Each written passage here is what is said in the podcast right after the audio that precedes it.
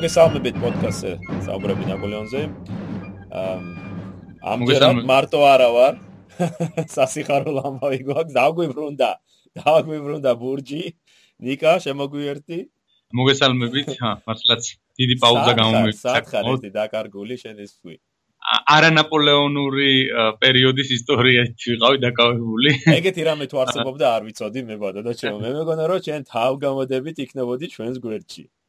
ავათავარ კაცი. სხვა სხვა საქმეებმა გამიტაციეს ასე ვთქვათ. აა და მაგრამ მაინც სმენელს მინდა შევახსენო რომ ნიკა მუშაობს ხო სამაგისტრო პროგრამაზე შუა საუკუნეების ისტორიის ხო ისტორიას იკვლევს ასე რომ საპატიო მიზეზი კი აქვს ნაპოლეონს რო ივიწყებს მაგრამ მაინც არ ვიცი რამენაირად უნდა დაგსაჯოთ აა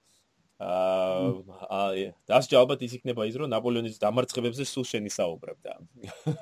პოდკასტის მოაწერლოს ენა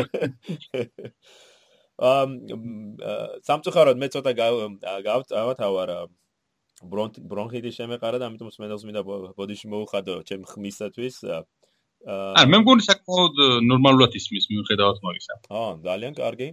აა გამოკეთების გზაზე. ხო ხო იმედი მაქვს იმედი მაქვს აა დღეს ჩვენ ვისაუბრებთ საფრანგეთსა და ბრიტანეთს შორის ომის გაჩაღებაზე ხო 1803 წელს შემდეგ ამ ორ ქვეყანას შორის დაპირისპირებაზე ა წელიწად ნახევრის განმავლობაში და შემდეგ უკვე 1805 წლის ხო წელს უფრო სწორედ მესამე კოალიციის ჩამოყალიბებაზე და იმ მართლა საბედის წერო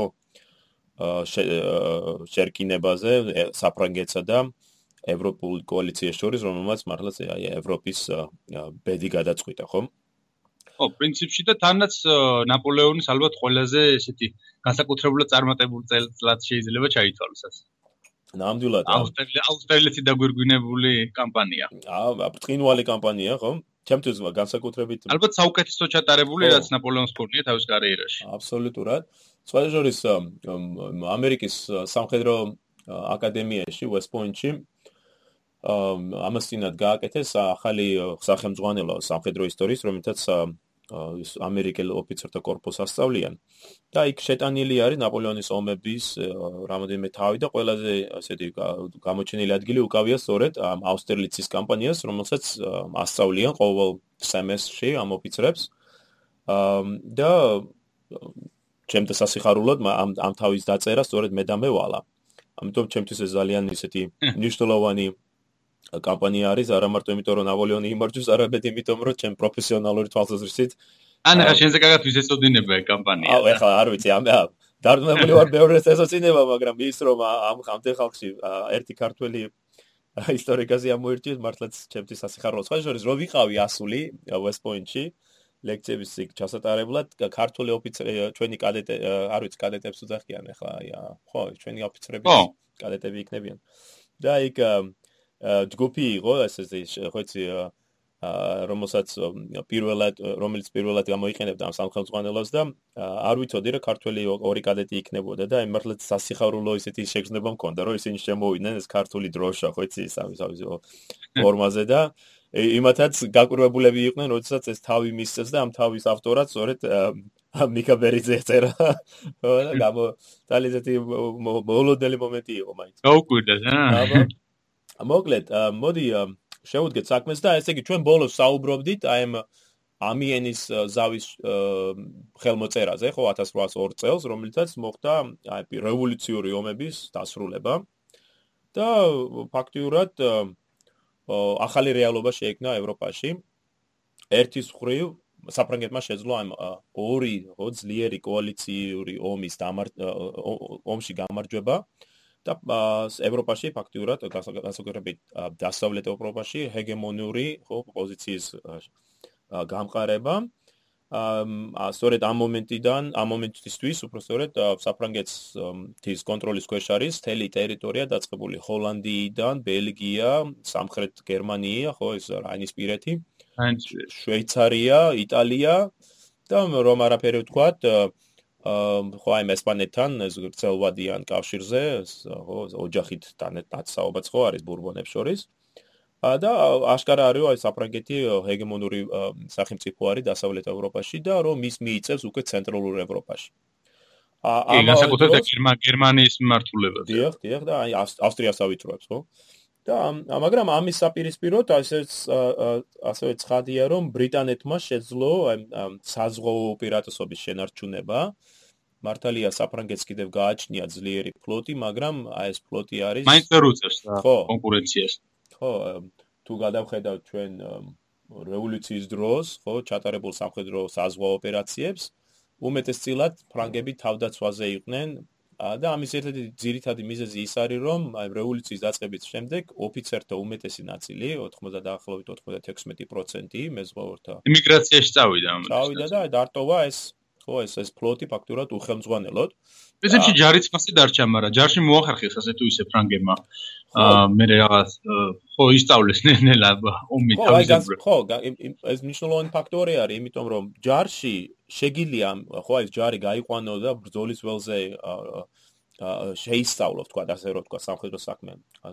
საზღვაო საქმეს როცა შეეხება, უნდა გახვიდე ხო ზღვაში და თუ არ გესმის ეს საქმე, გემი ან ჩაიძირება, ან ბრიტანელები ეგრევე გაგანადგურებენ. აი ამის პრობლემა არის, სწორედ თელი რევოლუციური ომების განმავლობაში საფრანგეთში, რომ იმისათვის რომ შექმნან ახალი თაობა, ხო, განწყვეტნან ახალი თაობა საზღვაო ოფიცრებს. უნდა გავიდნენ ზღვაში და რო გადიან ზღვაში, მე ბრიტანელები მათ დაძდენ. ბრიტანელები ესმენთავს. ეხლა ამიანის ზავზე ჩვენ ვისაუბრეთ და თქვა აღნიშნე მე რომ რამოდენმე განსაკუთრებით რამოდენმე მუხლი იყოს მნიშვნელოვანი. აა პირველი მუხლი, რომელსაც ჩვენ გავამახვილეთ, რომელზედაც იყო ბრიტანელების ვალდებულება გასულიყვნენ ეგვიპტედან და მალტიდან, კუნძულ მალტიდან. მეორე მნიშვნელოვანი მუხლი იყო ნაპოლეონის ვალდებულება გასულიყო ნეაპოლიდან და ჰოლანდიიდან და მესამე მნიშვნელოვანი მუხლი იყო ნაპოლეონის თანხმობა, ხო, ყოველ შემთხვევაში პირობა, რომ გახსნიდა საფრანგეთის ბაზარს ბრიტანული, ხო, კომერციისათვის. და აი ჩვენ ხედავთ აი 1802 წლის შემდეგ თუ როგორ ხდება აი ამ ამ აი ამ სამი მუხლის ირგვლივ, ხო, აი საფრანგეთსა და ბრიტანეთს შორის დაპირისპირების გაზრდა. აი იმიტომ რომ ერთის ხრივ ბრიტანეთმა გაიყვანა ჯარები ეგვიპტედან, მაგრამ მეორე მხრივ უარი თქვა მალტი და მალტის კუნძულიდან ჯარების გაყვანაზე, იმიტომ რომ შიშობდა, რომ ამ მალტიდან გაყვანის შემთხვევაში საფრანგეთი შეძლებდა მალტაზე ზეგავლენის აღდგენას და შემდეგ ხო ამ ამ საფრანგეთის ზღვაში გაბატონებას. ა მეორე მხრივ ნაპოლეონმა გაიყვანა ჯარი ნეაპოლიდან, მაგრამ დატოვა ჯარი ჰოლანდიაში, ვინაიდან მისი გამართლება და მიზეზი რა ქონდა, რომ რათა გაეგზავნა ჯარები ჰაიტიში, ხო, ამ კარიბეთში რომ დიდი აჯანყებო ძინვარება, რომ მას ჭირდებოდა ეს ჰოლანდიური პორტები და ჰოლანდიური ხელისუფლების ნებართვითო, ხო, ეს ნებართვით ბჭყალებში ვინ დაიკითხებოდა მაგათ. აა ეს ფრანგული ჯარები ჯერ რჩებოდნენ ჰოლანდიაში და სმენელს ალბათ კარგად მოიხსენება, თუ რამდენად მნიშვნელოვანი იყო ბრიტანულის ეროვნული უსაფრთხოებისათვის, ხო? აი ამ ჰოლანდიური და ბელგიური პორტების ნეიტრალიტეტი, ვინაიდან კი, საკურველია, ზღვიდან უქმნიდა პრობლემას მაინც ბრიტანეთს, ახლოს არის ძალიან და ნებისმიერ მომენტში შეიძლებოდა მანდიდან რაღაცა საფრთხე დამუკრებოდა კიდევ. ხო, ისტორიულადაც ახლა ჩვენ ვიცით, რამოდენიმე წარმატებული შეჭრა ბრიტანეთში და ხო, აი დაიწყებული კეისრიდან თუნდაც აი მეფე ჯონის დროს ხო ყველა ყველა მას შეჭრა ყველა მარტერიიდან წავიდა ამიტომ ბრიტანელების მნიშვნელოვანი იყო აი ამ ჰოლანდიაში რაღაც უფრო ნეიტრალიტეტის დაჭერა. ყოველ შემთხვევაში ნაპოლეონის ჯარების გაყვანა და ნაპოლეონმა აი ამ მიზეზით რომ აი ვაგზავნი კარებეთში დატოვა ეს ჯარი. ა მაგრამ ამას კიდევ დაიმატა ნაპოლეონის მიერ განხორციელებულმა 1802-3 წლებში განხორციელებულმა ძალიან ესეთ აგრესიულმა პოლიტიკამ კოლონიების მიმართ, ასე რომ ვთქვა. ეხლა ერთის ხრივ ხაიტიში კი აგზავნის ამ ჯარებს, მაგრამ ამავე დროს ჩვენ ხედავთ ნაპოლეონის მიერ გაგზავნილ ჯარებს ინდოეთის ოკეანეში, სადაც მასკარენის არქიპელაგოში ქონდათ ფრანგებს კოლონიები და აი ამ კოლონიების გამოყენებით ნაპოლეონი ცდილობდა აზიაში ფრანგული ზეგავლენის გაძლიერებას. ჩვენ ხედავთ ფრანგ ოფიცრებს, რომლებიც თელს ჩრდილო აფრიკაში არიან, მიმოფანტულები მიდიანის ადგილებში, როგორც არის ალჟირი, ტუნისი, ლიბია, ყველაზე ცნობილი შემთხვევა იყო ეგვიპტე, სადაც ნაპოლეონის ახლო ოფიცერ ახლო არ ვიცი მეგობარი, მაგრამ ყოველ შემთხვევაში თანაშემწე, ეს ჩვენ მას შევხვდებით სებასტიანი, იყო გაგზავნილი ხო სპეციალური მისიით ეგვიპტეში, რათა შეესწავლა კიდევ ერთხელ თუ რამდენად შესაძლებელი იქნებოდა ხელახლად ფრანგების შეჭრა ეგვიპტეში. და აი აი აი ეს ძალიან ყოვლის მომცველმა პოლიტიკამ, ხო, მართლაც რომ იმას რო დავესწრეს ხო უილიამ უილჰელმს ხო გერმანიის იმპერატორ შემდგომში world politic ხო ეს გლობალური დომინირების პოლიტიკა რომელიც ნაპოლეონს მართლაც ჰქონდა ჩაფიქრებული რათა შეევიწროებინა ბრიტანული ინტერესები არა მარტო ევროპაში, არამედ სოფლიოს სხვადასხვა კუთხეში. ამან ბუნებრივია დააფრთხო ბრიტანელები და ცხადყო რომ ნაპოლეონთან აი სამშვიდობო პერიოდში ისინი ვერაფერს ვერ გახდებოდნენ. ანუ შეგვიძლია ცალსახავ თქვა რომ ამიენის ხელშეკრულებით ნაპოლეონმა დიდი დიპლომატიური მიღწევა გამარჯვება მოიპოვა ბრიტანელებზე, ვინაიდან აიძულა მათ აი ეღიარებინა ისეთი ვითარება ევროპაში, რომელიც საფრანგეთისათვის მეტად ხელსაყრელი. იყო. ა და ამავე დროს საკიპირისპიროს ხრი ხო ბრიტანელებსაც გააზრებული ჰქონდათ უკვე 1803 წლისაცვის რომ შვიდობა რო შენარჩუნებულიყო მათ ინტერესებს შელახო გაგრძელდებოდა და დღითი დღე ისინი დაკარგავდნენ პოზიციებს.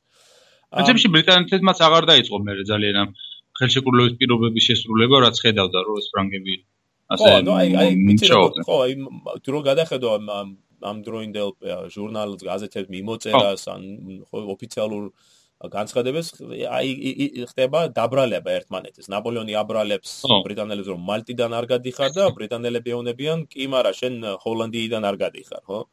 ან ბრიტანელები ხო არც ალექსანდრიიდან არ გასულან? კი კი გავიდნენ ალექსანდრიიდან გავიდნენ. 1800 პრინციპში ოსმალების მე ხო გადავიდა ისე.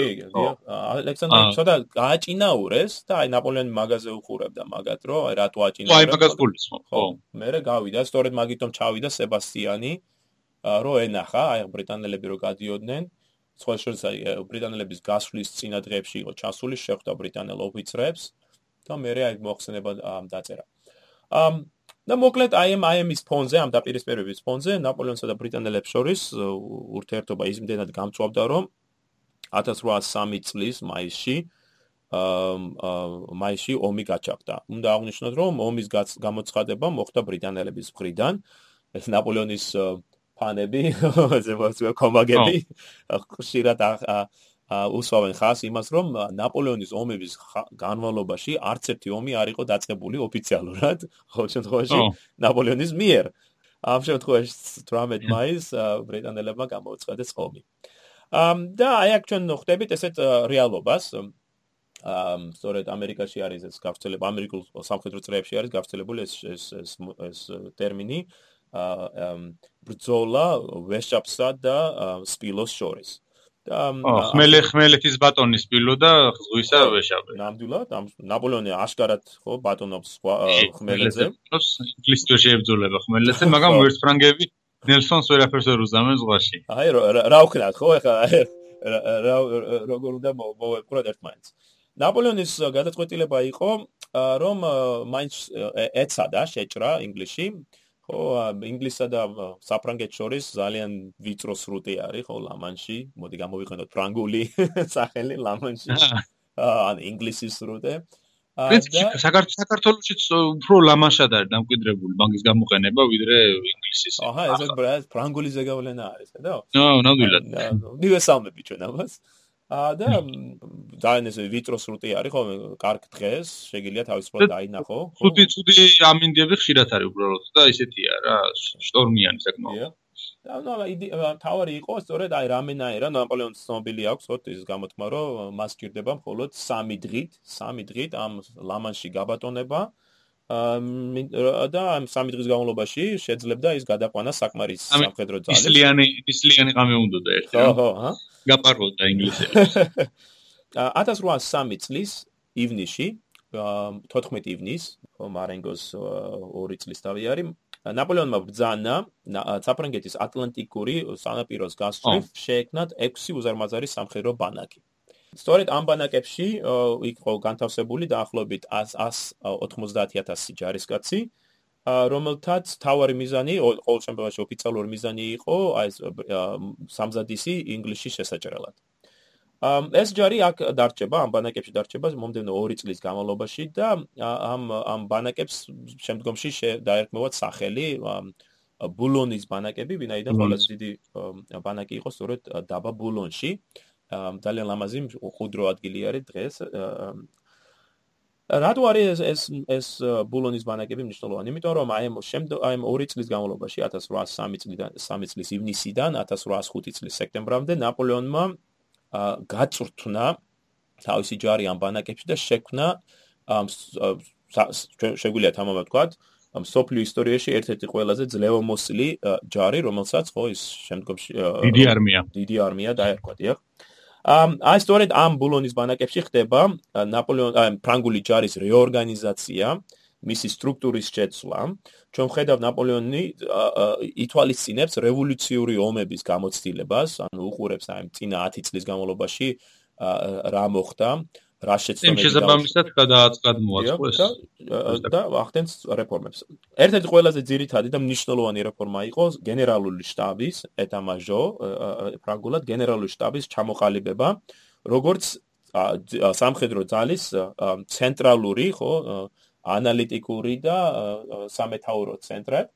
რომელშიც ხდებოდა სამხედრო ოპერაციების დაგეგმვა, სამხედრო დაზვერვის ხო ინფორმაციის, სადაზვერვო ინფორმაციის გაანალიზება, სამხედრო ამ ჯართან დაკავშირებული საფინანსო საკითხების მოგვარება და ყველაფერი.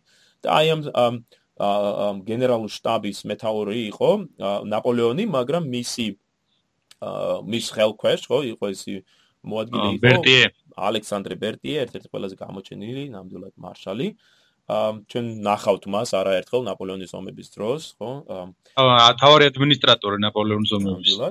ამ ეხლა ეს რეფორმა რატო არის მნიშვნელოვანი? იმიტომ რომ ამ რეფორმის შედეგად ნაპოლეონმა ჩამოაყალიბა მეტად ახალი სამხედრო სტრუქტურა, რომელიც იყო ძალიან ესე ვერტიკალურად ცენტრალიზირებული. და ამავე დროს შექმნა მნიშვნელოვანი პრეცედენტი, რომელთაც სამხედრო ახალი ეს რეფორმირებული სამხედრო ძალის ხედათავარი და სახელმწიფო მეტაური ერთი და იგივე პიროვნება იყო. ამას ჩვენ არ ხედავთ სხვა თანამედროვე ევროპულ ჯარში, ანუ რუსეთის რუსეთის იმპერიაში ალექსანდრე კი არის იმპერატორი და თუ ის ჯარში ჩადის ხედართავარი, მაგრამ 1805 წლის გარდა ის ჯარში ხო არ იმსახურებს როგორც ასეთი. ავსტრიაში იმპერატორი ხო ფრანცია უშუალოდ არ ერევა სამხედრო მხედართავრობაში უფრო მისი ძმები ძმები არიან ჩართულები და ანუ აი როცა ჩვენ ვისაუბრობ ერთ-ერთი კარლი. კარლი ნამდვილად.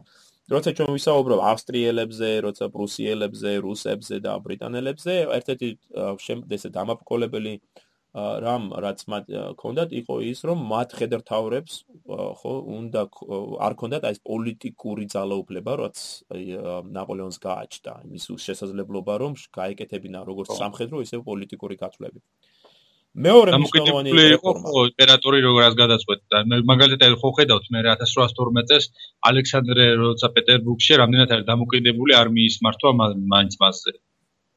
ხო ნამდვილად და შემდეგ აი მე ერთ-ერთი მნიშვნელოვანი ხო ეს რამ რაც მოკავშირეები შეძლეს ხო ეს გაითავისონ და შეისწავლონ არის სწორედ აი საჭიროება რომ ეს პოლიტიკური და სამხედრო პირები ყოფილიყვნენ ერთად და სწორედ ხედავთ 1813 წელს ალექსანდრეც ფრანციც და ფრედერიკ უილიამიც სწორედ ჯართან ერთად არიან და არა სადმე ხო დედაქალაქში რომელიმე დედაქალაქში. ა მეორე მნიშვნელოვანი რეფორმა არის ის, რომ ამ 2 წლის განმავლობაში ფრანგული ჯარი განუწყვეტლივ და ამ ხაზი შეგვიძლია გქოთ, გაუსვათ, განუწყვეტლივ იწვრთნებოდა. სწორედ ამ 2 წლის განმავლობაში ნაპოლეონი აკვირდებოდა ოფიცრებს, როგორ მოქმედებდნენ, არაკომპეტენტური ოფიცრების განდევნა ხდება, ნიჭიერი ოფიცრების წახალისება, თვითონ ჯარის ბუნებრივი სისტემატიური გაწვრთნა, ახალი ტაქტიკის განვითარება. სწორედ ამ დროს ხდება სტრუქტურული რეორგანიზაცია ფრანგული ჯარის და ხდება მაგალითად ჩამოყალიბება ახალი შენაერთის ოპერატიულ დონეზე, ახალი შენაერთის, რომელსაც корпуსი დაერქვა. корпуსი მართალი არსებობდა 1813 წლის წინ, ხო, არსებობდა, მაგრამ აი 7 წლის ომში, რევოლუციურ ომებში корпуსები იყო დროებითი შენაერთები და როგორც წესი დროებითად აერთიანებდნენ რომელიმე აა შენაერთებს. ნაპოლეონმა დივიზიების და იმსნაერთი იყო დროებით. ამ დროს უკვე ეს корпуსი თითქმის ალკე არმიას წარმოადგენს და თითქოს დამოუკიდებლადაც შეუძლია რაღაც დიდი მისიის შესრულება და პლუს თვითონ ამ დიდი არმიას არმიის ერთ-ერთი იმას წარმოადგენს რა ვთქვი. ისტორიად ეს არის ნაპოლეონის ხო შეტანილი წვლილი რომ 7 7 корпуსი იყო რა პირველ იმაში დიდ არმიაში. მისი იდეა იყო რომ ეს თითო корпуსი ყოფილიყო როგორც მინი არმია შეგორს თქვი და თითოეულ корпуსში შევიდოდა აა იმ ქვეითი ჯარი, შევიდოდა კავალერია, შევიდოდა артиლერია და შევიდოდა დამხმარე ჯარები, როგორც ინჟინრები ხო და ასე შემდეგ. და თითოეულ корпуს შეეძლებოდა დამოუკიდებელი ოპერაციების ჩატარება. ჩვენ ვიცით რომ ისინი აი ამ ბულონის სამხედრო ბანაკში ისინი ავითარებდნენ ახალ ტაქტიკას, ოპერატიულ ტაქტიკას, ოპერატიულ დონეზე. და ერთ-ერთი რაც ნაპოლეონმა გამოიმუშავა არის ეგრეთ წოდებული ბატაიონ კაღე, ძალიან ისეთი მარტივი, მაგრამ ამავე დროს მეტად საინტერესო მიდგომა არის. ჩვენ მე მგონი ვისაუბრეთ ჩვენ ამაზე, აი ნაპოლეონის სამხედრო საქმეზე რომ ვისაუბრობდით. სქემაც არის დადებული მგონი ჩვენ იმაზე.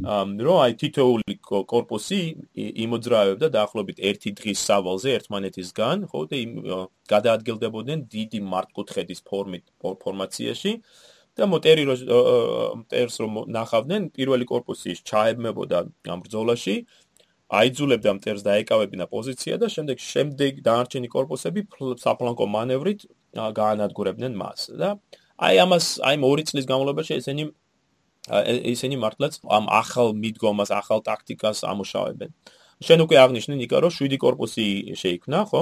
მაგრამ ამავე დროს ამ 7 корпуსის გარდა შეიქმნა კიდევ სამი ახალი შენაერთი, რომელიც იყო კავალერიის რეზერვი, ჩვენი მეგობარი მიურატი იქნება მაგის სათამაში. შეიქმნა артиლერიის რეზერვი და რაც თავარია, შეიქმნა იმპერატორის გვარდია. ხო, ეს ელიტარული ჯარი. ამ საკორპუსო სისტემის ყველაზე დიდი ყველაზე დიდი უპირატესობა იყო ის რომ ის იყო მობილური და ადვილად ერგებოდა არსებულ ვითარებას. კიდე პრინციპში ცალკე აი რომ ნახავთ მე ყველაზე კარგი მაგალითი რა კორპუსის წარმატების არის აუერშტატის ბრძოლაში როცა დავუს კორპუსმა მთელი პრუსიული არმია დაამარცხა. წინვალი ხო მართლა მაგთემალში მაგალითია. ახლა კორპუსთან დაკავშირებით კიდევ ერთი მომენტი გვინდა გავამახვილოთ რომ თითოეულ корпуსში იყო მუდმივი, აი ეს კიდევ ერთხელ აი მუდმივ ბუნებას რო დაუბრუნდეთ, რომ იყო შექმნილი მუდმივი საკადრო შტატი, ხო? ანუ იყო корпуსის მეტაური, იყო корпуსის და ამ штаბს ჰქონდა თავისი საშტაბო ოფიცრები და რაც ავარია, ხო თითოეულ დივიზიას, რომელიც корпуსში შედიოდა, თავისი ოფიცრები და ესენი ორი წლის განმავლობაში ერთმანეთის გვერდიგვერდ მსახურობდნენ, იცნობდნენ ერთმანეთს, ხო ააწყეს ფაქტობრივად ეს ურთიერთობა. და აი ეს აი ესეთი ხელშეწყობა, აი ესეთი ურთიერთობა ნამდვილად არ არსებობდა ევროპულ სხვა ჯარში, რომელსაც ქვედაყოფები ხშირ-ხშირად ხო ცალ-ცალკე არსებობდნენ და რაღაცავრია სამხედრო პირობებში ეს ქვედაყოფები ერთმანეთთან არ იყვნენ ეს შეჩოულები თან შრომლობას. სწორედ ამ რეფორმის ნაწილი იყო მარშლების ინსტიტუტის ჩამოყალიბება. მე და შენ კიდევ წერეთ ის ციგნი, ხო, ნაპოლეონის მაგალითად ვერ ჩამოაღწია ნაბიჯმა. მეორე ტომს დავამთავრებ და ორივეს ორივეს გამოვაგზავნი. აა ჩამოყევით ანა ელექტრონული ვერსიით მაინც ხო არის ხელმისაწვდომი ჩემს მენეჯერისათვის და აი ამ 7 корпуს სათავეში ჩაუდგა თითო ხო მარშალი. და ეს ეს მარშლები გაუძღვებიან ამ ამ ამ корпуსებს მომდენო რამოდენიმე წლის განმავლობაში. აა საბოლოოდ გვინდა ვთქვათ, რომ აი ბულონის ბანაკებში ჩამოყალიბებული შექმნილი დიდი არმია უდავოდ იყო ევროპაში საუკეთესო. სწორედ აქ იყო გათვალისწინებული წინა 10 წლის სამხედრო გამოცდილება, ჩატარებული იქნა მნიშვნელოვანი ცვლილებები და რაც ყველაზე მთავარია, ამჯერ სათავეში ედგა ერთ-ერთი საუკეთესო მხედართავარი, ხო, თვით ნაპოლეონ ბონაპარტე. მაგრამ რადგინდა გაქვს ეს წინვალე ჯარი მაგრამ ვერ კვეთავ ამ რა ქვია ლამანში აა ვერაფერს ვერ აკეთებ. და სწორედ აი 1805 წლის დასაწყისისათვის ჩვენ ხედავ ბრიტანელები იყენებენ ამ შესაძლებლობას რათა დაიწყონ ახალი კოალიციის ჩამოყალიბება. კოალიციის ჩამოყალიბებაში დიდი როლი ითამაშა ენგიენის ჰერცოგის კვლელობა. კვლელობა რომელიც წინა პოდკასტში განვიხილე ჩვენ. რამაც სამართლად შეაშფოთა მრავალი სამეფო კარი და მათ შორის ყველაზე მეტად რუსეთი რომანოვების სამეფო დინასტია და 1805 წლისათვის უკვე ხდება დიპლომატიური მოლაპარაკებები რუსეთსა, შვედეთს და ბრიტანეთს შორის. 1805 წლის დასაწყისში, კერძოდ იანვარში, რუსეთმა დაიწყო მოლაპარაკება შვედეთთან რომლის შედეგად შეიქმნა რუსულ-შვედური ალიანსი მიმართული იმისათვის, რათა დაეცვათ ოფიციალურად ყოველ შემთხვევაში ბალტიისპირეთში თავისი ინტერესები, მაგრამ ამ ამ ალიანსის ერთ-ერთი საიდუმლო ნაწილი იყო სწორედ აი ფრანგული მზარ ევროპაში ფრანგული ზეგავლენის შეჩერება. სწორედ აი ამ რუსულ-შვედურ მოლაპარაკებების ფონზე ხდება ასევე ცალკე მოლაპარაკებები რუსეთსა და ბრიტანეთს შორის, რომელსაც ხელი რომლის შედეგად შეიქმნა რუსულ-ბრიტანული ალიანსი იმავე წლის აპრილში. ანუ რუსეთს და შვედეთს შორის ალიანსი იანვარში, რუსეთსა და ინგლისს შორის აპრილში და აი ამ რუსულ-ბრიტანულ მოლაპარაკებებს რო გადავხედოთ მიმოწერას, ჩვენ ხედავთ, რომ მისი მიზანი იყო, აი მინდა ციტატა გამოვიყენო, ევროპაში მშვიდობის და პოლიტიკური ეკვილიბრიუმის, ანუ თანასწორობის აღდგენა. ეს არის თავარი მიზეზი. აა ეხლა რას გულისხმობენ ამაში? ნუ მშვიდობა თავისთავად ნათელია. აი პოლიტიკური ეკვილიბრიუმი ცოტა ეზოტერული ტერმინი არის, მაგრამ ამას შეგულისმობენ რევოლუციონერი ვითარების აღდგენას, ანუ საფრანგეთის მიერ დაკავებული ტერიტორიების დაბრუნებას და შემდეგ ისევ აი ამ თანასწორობის, ან ბალანსის, ასე ვთქვამ, ძალის ბალანსის აღდგენას. ავსტრია ადევნებდა თვალს ამ რუსეთსა და ინგლისს შორის მოლაპარაკებებს და გვიანდელ გაზაფხულზე მაის და მაისში დაწყებული შეუერთდა მოლაპარაკებებს, რომლის შედეგად აგვისტოსთვის ავსტრია შეძლო აი ამ რუსულ-ინგლისურ ალიანსში შეერთებას და ფაქტურად ჩამოყალიბდა აი ეს მესამე კოალიცია, რომლის წევრები იყვნენ შვედეთი, ინგლისი, რუსეთი და ავსტრია. იმავე თვეს, ანუ აგვისტოში, ნეაპოლმა გამოთხატა თავისი სურვილი შეერთებოდა მას. და ერთადერთი დიდი ქვეყანა, ეს გამოძლიერი ქვეყანა, რომელიც უარი თქვა მესამე კოალიციაში მონაწილეობის მიღებაზე იყო პრუსია, რომელმაც გამოაცხადა ნეიტრალიტეტი. რაც შეეხება ესპანეთს, ესპანეთს ესპანეთი არის მოკავშირე ქვეყანა საფრანგეთს. პრინციპში პრუსია ისე რა ალბათ მაინც იმ სტადიაზე იყო, რომ რაღაცა მას ძლეოდა იმედს, რომ ჩაერთვებოდა რა მაინც. მომავალი ომისთვის. ყოველ შემთხვევაში მოკავშირეებს ჰქონდათ ამის სურვილი, რომ პრუსია ჩაერთვებოდა მართლაც დროუ დროულად, ხო? თუმცა პრუსია ხო ძალიან ისე ალბათ მაგ წლებში პრუსია ესეთ ყველაზე წარუმატებელი ის კონდა პოლიტიკა რაც კი შეიძლება და ყოფილიყო არ როცა ყველა საჭირო იყო მაშინ არ არ შეუერთდა არც ერთ მას ალიანს და მერე კიდე ისე დროს ჩაერთო ომში განწირული იქნებოდა. ფრედერიკ უილიამი წოდებს უსტი პოლიტიკური მოღვაწე გამოდგა.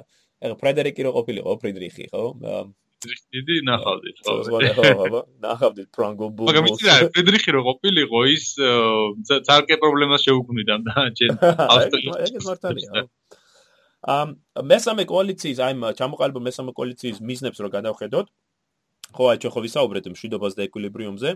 ამ ჩვენ ასევე ხედავთ რომ მათ სურდათ ევროპაში ახალი საერთაშორისო სისტემის, ისინი მას უწოდებდნენ ფედერატიული სისტემის ჩამოყალიბებას, რომლითაც მოხდებოდა ევროპაში მშვიდობის და სტაბილურობის დამყარება. ძლიერი ქვეყნები, ბრიტანეთი, პრუსია, ავსტრია, რუსეთი და საფრანგეთი, აი ძლიერი ქვეყნები იქნებოდნენ აი საერთაშორისო სისტემის არბიტრები და აი ამ ფედერატიულ სისტემას ხო განაგებდნენ. და თითოეულ მათგანს ეკნებოდა თავისი სფერო. თქვა რუსეთი აღმოსავლეთ ევროპაში იყო, რუსეთი და ავსტრია, პრუსია იქნებოდა ჩრდილო ევროპაში, საფრანგეთი დასავლეთ ევროპაში და ასე შემდეგ და ისინი შეძლებდნენ ერთმანეთის გაბალანსებას. ამ საინტერესოა რომ ამ კონვენციებს ამ ხელშეკრულებებს რო გადავხედოთ კოალიცია არის სახავდა მიზნად როგორც ასეთ საფრანგეთში რევოლუციური ამ შემთხვევაში ნაპოლეონის ხო თქვა როგორც მისი მემკვიდრეს აი ამ რევოლუციური მემკვიდრეობის განადგურებას და თქვა ხელისუფლების შეცვლას თუ ის მოხდებოდა, ისინი მხოლოდ მიესალმებოდნენ ამას, თქვა ხალხი თუ ამბოხდება, ამბოხება თუ მოხდებოდა სახალხო. და ბურბონებს დააბრუნებდნენ. ხო, დააბრუნებდნენ. კარგი, თუ არა და ეს არ არის მათი მიზანი, ანუ იდეოლოგიურად, როგორც ასეთი, ეს არ ხდება დაპირისპირება საფრანგეთსა და კოალიციას შორის. ამ კოალიციამ კოალიციამ შეამუშავა ძალიან ისეთი ამბიციური გეგმა. ეს გეგმა მიზანს ისახავდა საფრანგეთის ძინაამდე 580000 ჯარისკაცის მობილიზირებას. და ეს უზარმაზარი ჯარი იქნებოდა გაყოფილი 4 4 ნიშნულოვანი ხო მიმართულება. აა პრინციპში მაინც ავსტრიის ინტერესებიდან გამომდინარე არის მაინც ძირითადი ის როგორც ხედავთ ანუ რა ინტერესი ავსტრიას აქვს ამ მომში იმისკენ უფრო მიმართული ამ ეს ამ სტრატეგიის ეს მიზანი არის უფრო ის ისევ იტალია და გერმანიის ისა. თავდასხმა ისევ იქ, სადაც ტრადიციულად საფრანგეთი და ავსტრია იბრძოდნენ ამ წლების განმავლობაში. ერთია ჩრდილოეთ იტალიის ფრონტი და მეორე არის ეს რაინისპირეთი. ამ შემთხვევაში ფიქრეს ავსტრიელებმა გაწყვეტეს, რომ უფრო დიდი არმია ყველაზე გაეგზავნათ იტალიაში და ფიქრობდნენ, რომ ისევ ნაპოლეონიც ალბათ იტალიის მიმართულებაზე იქნებოდა ყველაზე აქტიური. 140000 კაცზე მეტი გაუშვეს მათ იტალიაში რომელსაც ერთ-ერთ ზოგი კარლი მეთაურობდა ამ არმიას. ავსტრიელების ალბათ საუკეთესო ფედერალთავარი ამ დროისათვის. მეორე არმია რომელსაც ერთ-ერთ ზოგი ფერდინანდი მეთაურობდა ფორმალურად ალბათ უფრო მაინც და ისე სინამდვილეში გენერალი მაკი 80000-იანი ჯარის ჯარი იყო და უნდა დუნაის გაყვებოდა ბავარიაში შეიჭრებოდა და უნდა დალოდებოდა შემდეგ რუსების არმიას, რომელიც ამ დროს მოდიოდა რუსეთთან ორი არმია, 50000-იანი არმიები, და შეუერთდებოდა ამათ და შემდეგ უკვე შეტევას დაიწყებდნენ ისინი რაინიდან საფრანგეთის მიმართულებით. და ყველაზე მესამე ყველაზე მცირერიცხოვანი არმია იყო რაღაც სარეზერვო არმიასავით, ერთ-ერთ ზოგი იოჰანის მეტაურობით, რომელიც იყო ტიროლში და ეს არმია. და ამას გარდა კიდე უნდა მოქმედა როგორც 4 4 იყო სულ ჰანოვერში უნდა გაეხსნათ კიდე მეორე ფრონტი, იქ ინგლისელები, რუსები და შვედები მოქმედებდნენ დაახლოებით 40-50000 ჯარისკაცი ყოლოდათ. ხო და მეოთხე არის სამხრეთ იტალიაში, ხო, ნეაპოლში, სადაც რუსები, ინგლისელები და ნეაპოლი ნეაპოლის ჯარი აა ერთად გახსნიდნენ ახალ ფრონტს, დაახლოებით 20000-მდე რუსული და ბრიტანელი ჯარისკაცის გადმოსხმას გეგმავდნენ. და შემდეგ ადგილობრივი ჯარის ნეაპოლიტარული ჯარის დახმარებით შეუტევდნენ სამხრეთიდან ჩრდილოეთით მიმართულებით. ანუ აი ეს ოთხი მიმართულება შე როგორც აღნიშნე, სამხრეთ იტალია, ჩრდილოეთ იტალია, შემდეგ დუნაის სანაპირო ეს რა ქვია დუნაის პირეთში ხო თვითონ და ჰანოვერში. და ჰანოვერში. დიო. ამ ახლა დროს შევხედოთ თქვა აი ესე თვითონ თეორიაში ქაღალდზე დაწერილი რაც არის ძალიან საინტერესო გეგმა არის და კარგად მოფიქრებული ასე ვთქვა მაგრამ რეალობაში ბევრი პრობლემა არის. პირველ რიგში არის შე როგორც აღნიშნე უკვე ნიკა რომ ამ ეს გეგმა არასწორად აა ფიქრობდა ასე ამ სკოლში ავსტრიელები და რუსები რომ ნაპოლეონის ძირითადი შეტევა იქნებოდა იტალიაში ამის ეს მოსაზრება იმას ეყარებოდა, რომ ნაპოლეონი წინ უკანასკნელი ორი კამპანიის განმავლობაში 96-17 და შემდეგ 1800 წლებში ორივეჯერ იტალიაში შეიჭრა და რომ ისინი ფიქრობდნენ, რომ რავინაიდან ნაპოლეონი იცნობდა კარგად ჩრდილოეთ იტალიის ხო თეატრს, სამხედრო მოქმედების არეალს, რომ ის ის კვლავ იტალიაში შეიჭრებოდა. და სწორედ ამიტომ შე როგორც თქვი ნიკა ყველაზე ავსტრიული ყველაზე ძიდი ჯარი ყველაზე საუკეთესო გენერლის ხედართავრობით გაგზავნილი იქნა იტალიაში. მეორე მნიშვნელოვანი პრობლემა იყო სწორედ აი ზომა ანუ აი რამხელა ფართობზე იყო გაშლილი ეს სამხედრო ოპერაციები ანუ ჩვენ ვამბობთ ევროპულ მასშტაბზე ხო? ეხლა ჰანოვერიდან ნეაპოლიდან ნეაპოლამდე ხდებოდა აი ამ შეჭრების სამხედრო მოქმედებები და ამის კოორდინაცია შეუძლებელი იქნებოდა ხო? ეს ჩვენ ა ჩვენ დავინახავთ რომ სწორედ მართლაც ეს ერთ-ერთი ყველაზე მნიშვნელოვანი სუსტი ადგილია. და მესამე მნიშვნელოვანი შეცდომა არის ის რომ მათ ვერ შეძლეს იმის გათვალისწინება თუ რამ რამ რაუდენ დროულად მოხდებოდა ფრანგული ჯარის გადაადგილება ბულონის სამხედრო ბანაკებიდან, რომელიც როგორც აღნიშნე ატლანტიკის სანაპიროზე არის ევროპის შუაგულში, ხო? ისინი ვარაუდობდნენ, რომ ამას დაჭირდებოდა დაახლოებით თვე ნახევარი, თუ არა ორი თვე. თუ ჩვენ დავინახავთ, რომ ეს მართლა ამაზე ბევრად უფრო ნაკლები დრო დაჭირდება ნაპოლეონს. მეოთხე მნიშვნელოვანი შეცდომა არის რუსეთსა და ავსტრიას შორის შეუთანხმებლობა თუ კონკრეტულად როდის უნდა დაწყებულიყო ომი. გეგმის მიხედვით ავსტრიელები უნდა დალოდებულიყვნენ რუსებს, ჩვენ აღნიშნე რომ დაახლოებით 50000-იანი ჯარი ხო მოდის კუტუზოვის ხედართავრობით. რომ ავსტრიელები უნდა დალოდებულიყვნენ კუტუზოვს და ისინი რომ ჩავიდოდა ავსტრიაში, შემდეგ ერთობლივი ძალებით ისინი შეუტევდნენ. რეალობაში რა მოხდა? ავსტრიელები ნერვიულობდნენ, რომ აი ამ დაიწყეს სანადრევი. ხო, რომ სანამ სანამ რუსები მოვიდოდნენ, რომ მათი მეზობელი ბავარიელები დაუჭერდნენ ნაპოლეონის ხარს. ეხლა რატო დაუჭერდნენ ბავარიელები ნაპოლეონის ხარს? იმიტომ რომ ნაპოლეონმა ძალიან საღი, ძალიან ისეთ პრაქტიკული საგარეო პოლიტიკა ჩაატარა სამხრეთ გერმანიაში და აა ჩვენ ამაზე ჩვენ ცალკე ვისაუბრებთ გერმანიის რეორგანიზაციაზე მაგრამ 1801 წლიდან დაწყებული ხდება ნაპოლეონის მიერ გერმანულ საქმეებში ჩარევა და მისი ხო რეორგანიზაცია. ერთ-ერთი რეორგანიზაციის ერთ-ერთი მნიშვნელოვანი შედეგი იყო ბავარიის ტერიტორიული გაზრდა და რაც თავარია ბავარიული ბავარიის მართლისათვის ახალი წოდები მეფის ხო ესე ვთქვათ დაპირება ნაპოლეონის მხრიდან. და ეხლა ბავარიელებისათვის ეს ძალიან მნიშვნელოვანი იყო ერთის ხრივ ავსტრიელები მათ უყურებენ, ხო, მას უყურებენ როგორც ტრადიციულ მოწინააღმდეგეს და მეორე მხრივ ნაპოლეონი დგას და ეუბნება, რომ მე შენ დამატებით მიწას მოგცემ და ძალაუფლებასო. ხა ბავარიელებს მეტი უკეთესი არჩევანი რა უნდა ქონოდათ, ხო?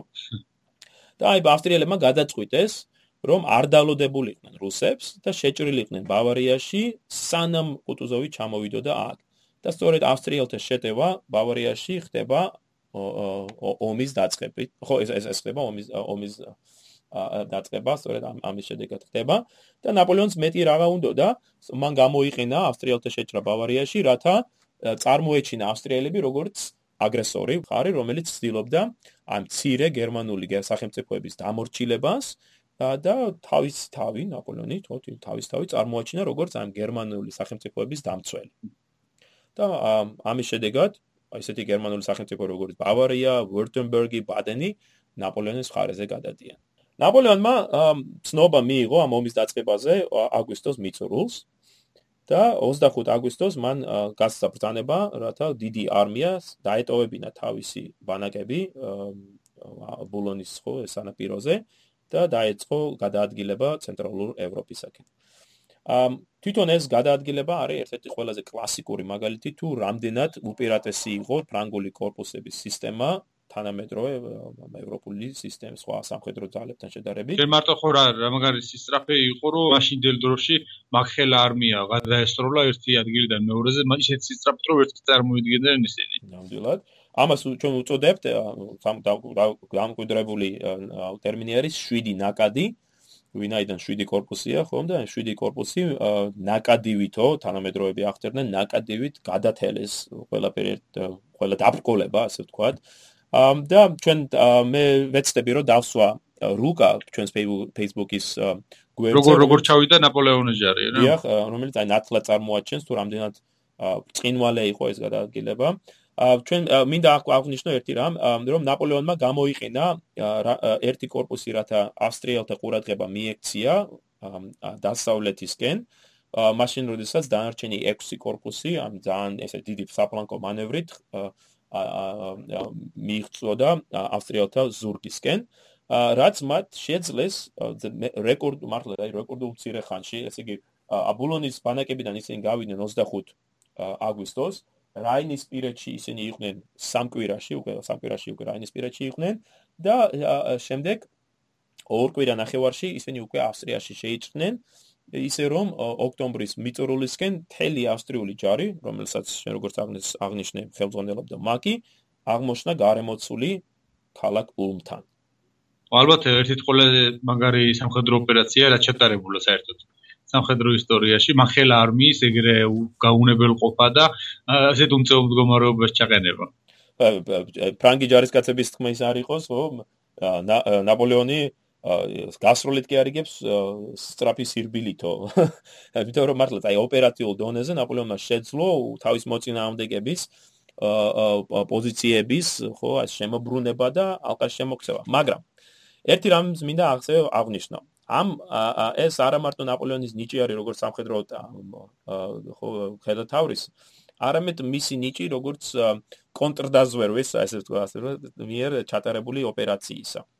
არ ვიცი საქართველოსში რამდენად ცნობილია ეს მაგრამ სწორედ ამ ამ კომპანიის დროს აა ხდება წინვალე სადაზვერვო ოპერაციის ჩატარება ორი პიროვნების მიერ ერთი არის ფუშე რომელსაც ჩვენ არაერთხელ აღნიშნეთ საფრანგეთის ხო საიდუმლო პოლიციის მეთაური და მეორე არის სავარი ეს არის სამხედრო სადაზვრო სამსახურის უფროსი. ამ ფუშემ შეძლო თავისი აგენტების გაგზავნა ავსტრიაში რომელთა შორის ერთი იყო წინვალე გერმანელი აგენტი სახელად კარლ შულმაისტერი. შულმაისტერი შულმაისტერმა თავი გაასაღა როგორც უნგრელი თავდაზნაური. ის ჩავიდა ვენაში, შეძლო სამხედრო სამსახურში მოხვედრა, სვაშორის შეძლო ქრთამითა და სხვა მეთოდებით ავსტრიულ შტაბში მოხვედრა და იქ აწოდებდა თლოვან ინფორმაციას ფრანგული ჯარის თაობაზე. ეხლა ბუნებრივია სვენელს გაუკვირდება საიდან შულმაისტერი ამბობდა აცხადებდა რომ ის თავის დროზე მსახურობდა ფრანგულ ჯარში რომ მას ქონდა კავშირები ფრანგულ ოფიცრებთან და რომ ისინი ის ქრთამის მეშვეობით ყველი და ინფორმაციას საფრანგეთში მისი აგენტებისგან და აწვდიდა ავსტრიელებს. მაშინ როდესაც რეალობაში ის იყო ფრანგული ფრანგი საიდუმ კონტრდაზვერვის აგენტი და ფრანგული კონტრდაზვერვის მიერ მოწოდებულ ინფორმაციას აწვდიდა ავსტრიულ ხედართავებს და ამრიგად ნაპოლეონმა შეძლო აი ამ true information ხო ავსტრიელების შეცდომაში შეყვანა მაშინ როდესაც აი ამ ბრწყინვალე ჩატარებული კონტრდაზვერვის აი ოპერაციის შედეგად ჩანერგა ეს აგენტი რომელიც აწვდიდა მას ინფორმაციას თუ რა ხდებოდა თვით ავსტრიულ ჯარში. ამ როგორც აღნიშნეთ 1805 წლის ოქტომბრისათვის ავსტრიელთა ჯარები იყვნენ განლაგებული ქალაქ ულმთან და სწორედ აქ ნაპოლეონმა შეძლო მათთვის ალყის შემორტყმა. ოქტომბრის პირველი ორი კვირის განმავლობაში ავსტრიელები ცდილობდნენ გარღვევას ამ ალყის. მოხდა ისეთი მნიშვნელოვანი ბრძოლები როგორც ვერტინგენთან 8 ოქტომბერს, ჰასლახთან 11 ოქტომბერს, ელხინგენთან 14 ოქტომბერს, ანუ ჩვენ ხედავთ თითქმის 2-3 დღეში ერთხელ არის მნიშვნელოვანი ბრძოლა. მაგრამ თითოეულ ამ ბრძოლაში ჩვენ ხედავთ რამდენად უპერატესი, სამხელა დიდი უპერატესობა აქვს ფრანგებს. როგორც სტრატეგიულ დონეზე, როგორც ოპერატიულ დონეზე, ასევე ტაქტიკურ დონეზე. ამ ხრივ მინდა ხაზი გაუსვა აი ჰასლახთან ბრძოლას 11 ოქტომბერს, როდესაც მიურატმა შეცდომა დაუშვა, გაიყვანა თავისი ჯარები, მაშინ როდესაც არ უნდა გაიყვანა მას. და დატოვა მხოლოდ 4000 4000 კაციანი დივიზია გენერალ პიერ დიუპონტის მეთაურობით ამ დაბა ხასლახთან ავსტრიელებმა ეს შეამჩნიეს და შეეცადეს გაერღვიათ ფრანგების რკალი ამ ხასლახთან მაგრამ დიუპონტმა არა მარტო მოიგერია 25000 კაციანი ავსტრიელთა შეტევა არამედ უკან უკუაგდო ისინი და შეინარჩუნა პოზიციები. ახლა წარმოიდგინე 4000 ფრანგი, 25000 კაცი ავსტრიელების და მათ შეინარჩუნეს პოზიციები. აა ასევე მნიშვნელოვანი იყო ელხინგენთან ბრძოლა 14 ოქტომბერს, სადაც ნეიმა ასევე დიდი ზიანი მიაყენა ავსტრიელებს და ნაპოლეონი იმდენად აღტაცებული იყო ამით, რომ შემდგომში ნეის მის უბოძა კიდევაც ელხინგენის ჰერცოგის წოდება. ისე ეს დიუპონი ის არ არის შემდეგ რომ აა ესპანეთში სირცხვილი ჭამა და ნაპოლეონმა კი ნაღმრო დახვრიტა. ეხლა უნდა გეხსენებინა ბიჭო ეგა. ე მივალ მივალ ჩვენ მაგამდე ნამდვილად ტკივნეული თემა იქნება. აა ა 20 ოქტომბერს ამ წარუმატებელი ბრძოლების შედეგად 20 ოქტომბერს ავსტრიელი ხედართავარი მაგი იძულებული იყო დანებებული იყო ნაპოლეონისათვის. მან ხელი მოაწერა დანებების ხელშეკრულებას, რომლის შედეგად ავსტრიელთა თითქმის მთელი ჯარი დანებდა ნაპოლეონს.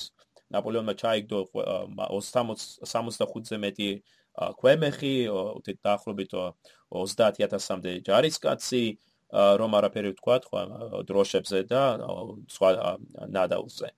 ულმის გამარჯობა იყო მართლაც წინვალე გამარჯობა, იმიტომ რომ ორ თვეზე ნაკლებ დროში ნაპოლეონმა შეძლო ატლანტიკის სანაპიროდან მთელი თავისი ჯარის გადასროლა ბავარიაში, შემდეგ თავისი მოწინააღმდეგის თვის ალყის შემორტყმა და განადგურება, მართლაც რა სრული სიტყვით რა მნიშვნელობით, ხო, განადგურება ისე რომ მან მეტად ცირე დანაკლისი განიცადა. და აი დღემდეც როგორც აღნიშნე ამერიკის შეერთებული შტატების სამხედრო აკადემიაში ულმის ოპერაციას სწავლობენ ერთ-ერთ როგორც საუკეთესო ოპერაციას და აი მსმენელს მინდა ვთქვა თუ დაინტერესდება შეადარონ ნაპოლეონის მიერ ბულონის ბანაკებიდან ულმისკენ გადასროლა ჯარის აი ეს ოპერაცია შეადარონ ნორმან შვარცკოპის მიერ პირველი ხო ერაყის ხო აი აი აი ოპერაციის გადაადგილებას და ჩვენ დავინახავთ რომ თითქმის იდენტური არის. ანუ გათვალისწინებული იქნა სწორედ ნაპოლეონის აი ეს გამოცდილება.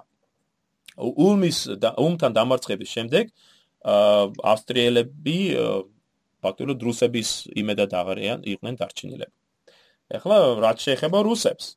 ეს ჩვენი კუტუზოვი გამწერებული მორბოდა, რასაც ქვია მე ბაგრატიონზე მუშაობის დროს, ხო, ბაგრატიონზე ციკლს რო წერდი, კითხულობდი მას მის სამხედრო ჟურნალს და აი მართლაც გამწერებულები მორბიან, რასაც ქვია, აა რუსეთიდან რო დახმარებოდნენ ავსტრიელებს. აა როგორც შენ თქვი 50000 კაცი იწებს, ხო? ტოვებს რუსეთის საზღვრებს და როდესაც ისინი მივიდნენ პატარა დაბა ბრანაუსთან, უმთან არცე აა მოშორებით, რუსების ჯარი მხოლოდ 23000 კაცს შეიცავს. დანარჩენები სადღაც გზის გზის გზის პირას აღყრიან, ჩუდადიან, ჩამორჩნენ. ეხლა რას გახდებოდა ეს 23000-იანი რუსული ჯარი? ამხელა დიდი არმიის ძინაამდე და კუტუზოვი იძულებულია უკან დაიხიოს და გაიქცეს, ხო? თავის დასახსნელად. ნაპოლეონიც დაედევნა მათ. და სწორედ აი ამ მომენტში ოქტომბრის ბოლოს, ნოემბრის დასაწყისში ხდება რუსების განდევნა ბავარია და ბავარიიდან და აღმოსავლეთ ავსტრია, ისე უბრალოდ დასავლეთ ავსტრიიდან. 13 ნოემბერს ხდება ეს სახელგანთმული შემთხვევა, როდესაც ნაპოლეონმა ხელთ იგდო ვენა და ვენაში განლაგებული, ხო, ეს მდებარე სტრატეგიულად მნიშვნელოვანი თაბორის ხიდი. ეს საინტერესო ისტორია, რომელიც ფოტოშორის ტოლსტოისაც აქვს აღწერილი. თავის ცნობილი რომანში უმიდამშვიდობა. აა როდესაც ეს ხიდი, როდესაც გადავიდნენ მოკავშირეები და დატოვეს ვენა, დანაღმული ჰქონდათ ავსტრიელებს და იცავდნენ მას ავსტრიული ნაწილი. ფრანგების გადასვლის არანაირი ვარიანტი არ ჰქონდათ, და აფეთქებდნენ ისინი აუცილებლად ამ ხიდს. აა და კარგად იყო დაცული. ამიტომ მარშლებმა, მიურატმა და ლანმა მოილაპარაკეს როგორ როგორ შეიძლება და აიღოთ ეს ხიდი ისინი და ასეთი ხერხი მოიფიქრეს ისინი გადავიდნენ ხიდზე და ხელები ქონდათ აწეული ანიშნებდნენ რომ მოსალაპარაკებლად იყვნენ. და ავსტრიათა მეტაური მათ გააბეს ეს თქვა დაუწყეს ლაპარაკი რომ აი შიდობის სამშვიდობო მოლაპარაკებებია დაწყებული და დროებით დაზავებაზეა ლაპარაკი და ასე შემდეგ და ის დაგავიწყდა ლანს ხელში შამპანიური უჭირავს ხო შამპანიური უჭირავს. მოდი აღნიშნოთ ეგ ნიშნავია ხო შამპანიური ხელში მოვიდა. აა ნამდვილად. და შემდეგ ამ დროს ეს ფრანგები მუშაობდნენ ხიდის განაღმაზე ამ პერიოდში.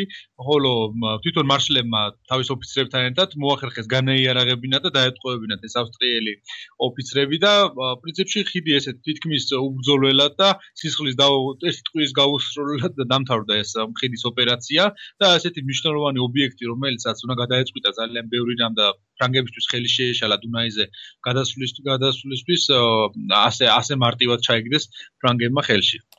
ნამდვილად, რითაც საფრთხე დიდი საფრთხე შეექმნა თვით რუსულ ჯარსაც, ხო, იმიტომ რომ ვენის ჩინელში ჩაგდებით, ლანს დე მიურაც საშუალება მიეცათ გადაეჭრათ რუსული ჯარის უკან დახევის ხაზი, ხო, საკომუნიკაციო ხაზი და მათ სადეს კიდევაც ამის გაკეთება, მაგრამ კუტუზოვმა ეს ნიშნულოვანი დავალება მისცა ბაგრატიონს, რათა შეეჩერებინა ეს შეტევა და მიეცა საშუალება და რუსული ჯარის დანარჩენ ნაწილისათვის გაქცეულიყო სამშვიდობოს და აი დაბა შონგრაბენ და ხოლაბრუნთან 15 ნოემბერს გაჩაღდა ეს ნიშნულოვანი ბრძოლა. ბაგრატიონს 7000-ზე ნაკლები კაცი ყავს, ლანს და მიურაც დაახლოებით 30000-მდე კაცი.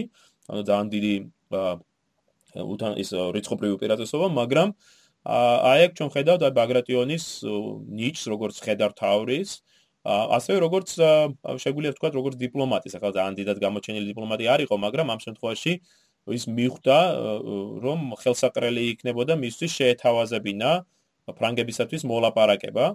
უბრალოდ მიურატმა შესთავაზა როგორც მან აუსტრიელებთან აუსტრიელებს გაუჩალიჩა ხო რომ შვიდობის მოლაპარაკება ბაგრატიონმა გამოიყენა ეს შესაძლებლობა და მართლაც ერთი დღით სამაგიერო გადაუხადა რა. ხო ხო სამაგიერო გადაუხადა. მიურატმა რო შესთავაზა მოდი მოვილაპარაკოთ. ბაგრატიონმა ო შენ გენაცვალეო ერთ თვითონ ხელველი არის რომელიც აწყადებს ეს 14 ნოემბრის გვიან საღამოს. ეს ფრანგი და რუსი ოფიცრები ერთმანეთს თან შეხვდნენ მოსალაპარაკებლად და დგანან და საუბრობენ და ლანი ბდღნის იქაურობას, იმიტომ რომ ის ხვდება, რომ რუსები ბაგრატიონის ბაგრატიონი მათ აცურებს რა.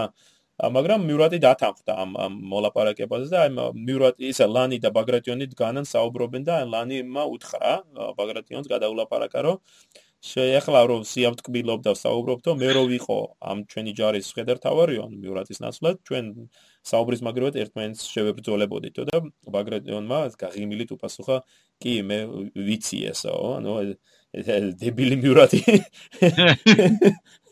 აჭა მეს მიურატს მაგრამ. 15 ნოემბერს გაჩაღდა ეს ბრძოლა და ამ ბაგრატიონმა შეძლო აი გაწირვით 2/3 თავისი ჯარი გაწირა მაგრამ შეძლო ამ ამ ფრანგების შეჩერება და ამ კუტუზოვმა ხო სამშვიდობას გააღწია. შენი თქმის არ იყოს ეს ეს ესეც ეს მომენტის კარგად აღწერილი არის ტოლსტოის ომი და მშვიდობაში. ამ ეხლა რა ხდება ამ ამ დროს იტალიაში ხო ჩვენ ნახეთ რომ იტალიაში უნდა ყოფილიყო ავსტრიელების აზრით ძირითადი შეტაკება. მაგრამ რეალობაში ავსტრიაში მოხდა შეტაკება ავსტრიელთა ძირითადი არმიის, არჩდუკ არცერცოგ ერცერცოგ კარლის და ფრანგული მცირე ჯარის მარშალ მასენას შორის. მასენა გამოცდილი ნიჭიერი მხედართმთავარი იყო და მან არა მარტო შეძლო ერცერცოგის შეტევების მოგერიება, პირიქით შეტევაზე გადავიდა და მიუხედავად იმისა, რომ რიცხობრივად უმცირეს უფრო პატარა ჯარი ქონდა, შეძლო კარლის უკუგდება და შემდეგ უკვე რა თქმა უნდა კარლიც ღებულობს ინფორმაციას უმთან მომხდარი კატასტროფის შესახებ და იძულებულია თავისი იმპერიის ხო, თავისი ოჯახის გადასარჩენად დაეტოვებინა მთელი ჩრდილოეთ იტალია და წასულიყო უნგრეთში, საიდანაც ის მეორე შეუერთდება ავსტრიული ჯარის ნარჩენებს. ანუ იტალიაშიც დიდი მარცხი განიცხადეს ავსტრიელებმა. ამასობაში ჰანოვერში ექსპედიცია, რომელსაც ჩვენ როგორც ვთქვი, რომელშიც შედიოდნენ ბრიტანელები, რუსები და შვედები, უამინდობის გამო ვერ შეძლეს მათ დროულად გადასხმა. ხოლო სამხრეთში ასევე მოხდა აი კოორდინაციის დარღვევა რუსებსა და ინგლისელებს შორის და ეს ექსპედიციაც ასევე გვიან ჩავა. ანუ აი ეს დიდი გეგმიდან 4 ხო აი მიმართულებიდან არც ერთზე ვერც ერთზე ვერ მოიპოვეს მათ წარმატება. ავსტრიაში ცენტრალურ ევროპაშიც დამარცხნენ, აი ჩრდილო იტალიაშიც დამარცხნენ, ხოლო ჰანოვერში და სამხრეთ იტალიაში გვიან იწყება ეს შეტევა. მაგრამ ერთი რამ არის, აქ აღსანიშნავი. ნაპოლეონმა დაიწყო ეს კამპანია დაახლოებით 190000 კაცით, ხო? აი ბულონის ბანაკებიდან. ეხლა ის უკვე ვენაში არის და ვენის ჩრდილოეთით მდებარეობს, სწორედ და პატარა ქალაქ, ეს ჩეხოსლოვაკიაში მდებარე ქალაქ ბრნოსთან. მაშინ მას გერმანული სახელი ბრუნი ერქვა. და აი ამ ბრუნთან მდებარე ფრანგული ჯარი ბევრად უფრო მცირე ზომის არის. დაახლოებით 80000-ზე ნაკლები კაცი ყავს ნაპოლეონს.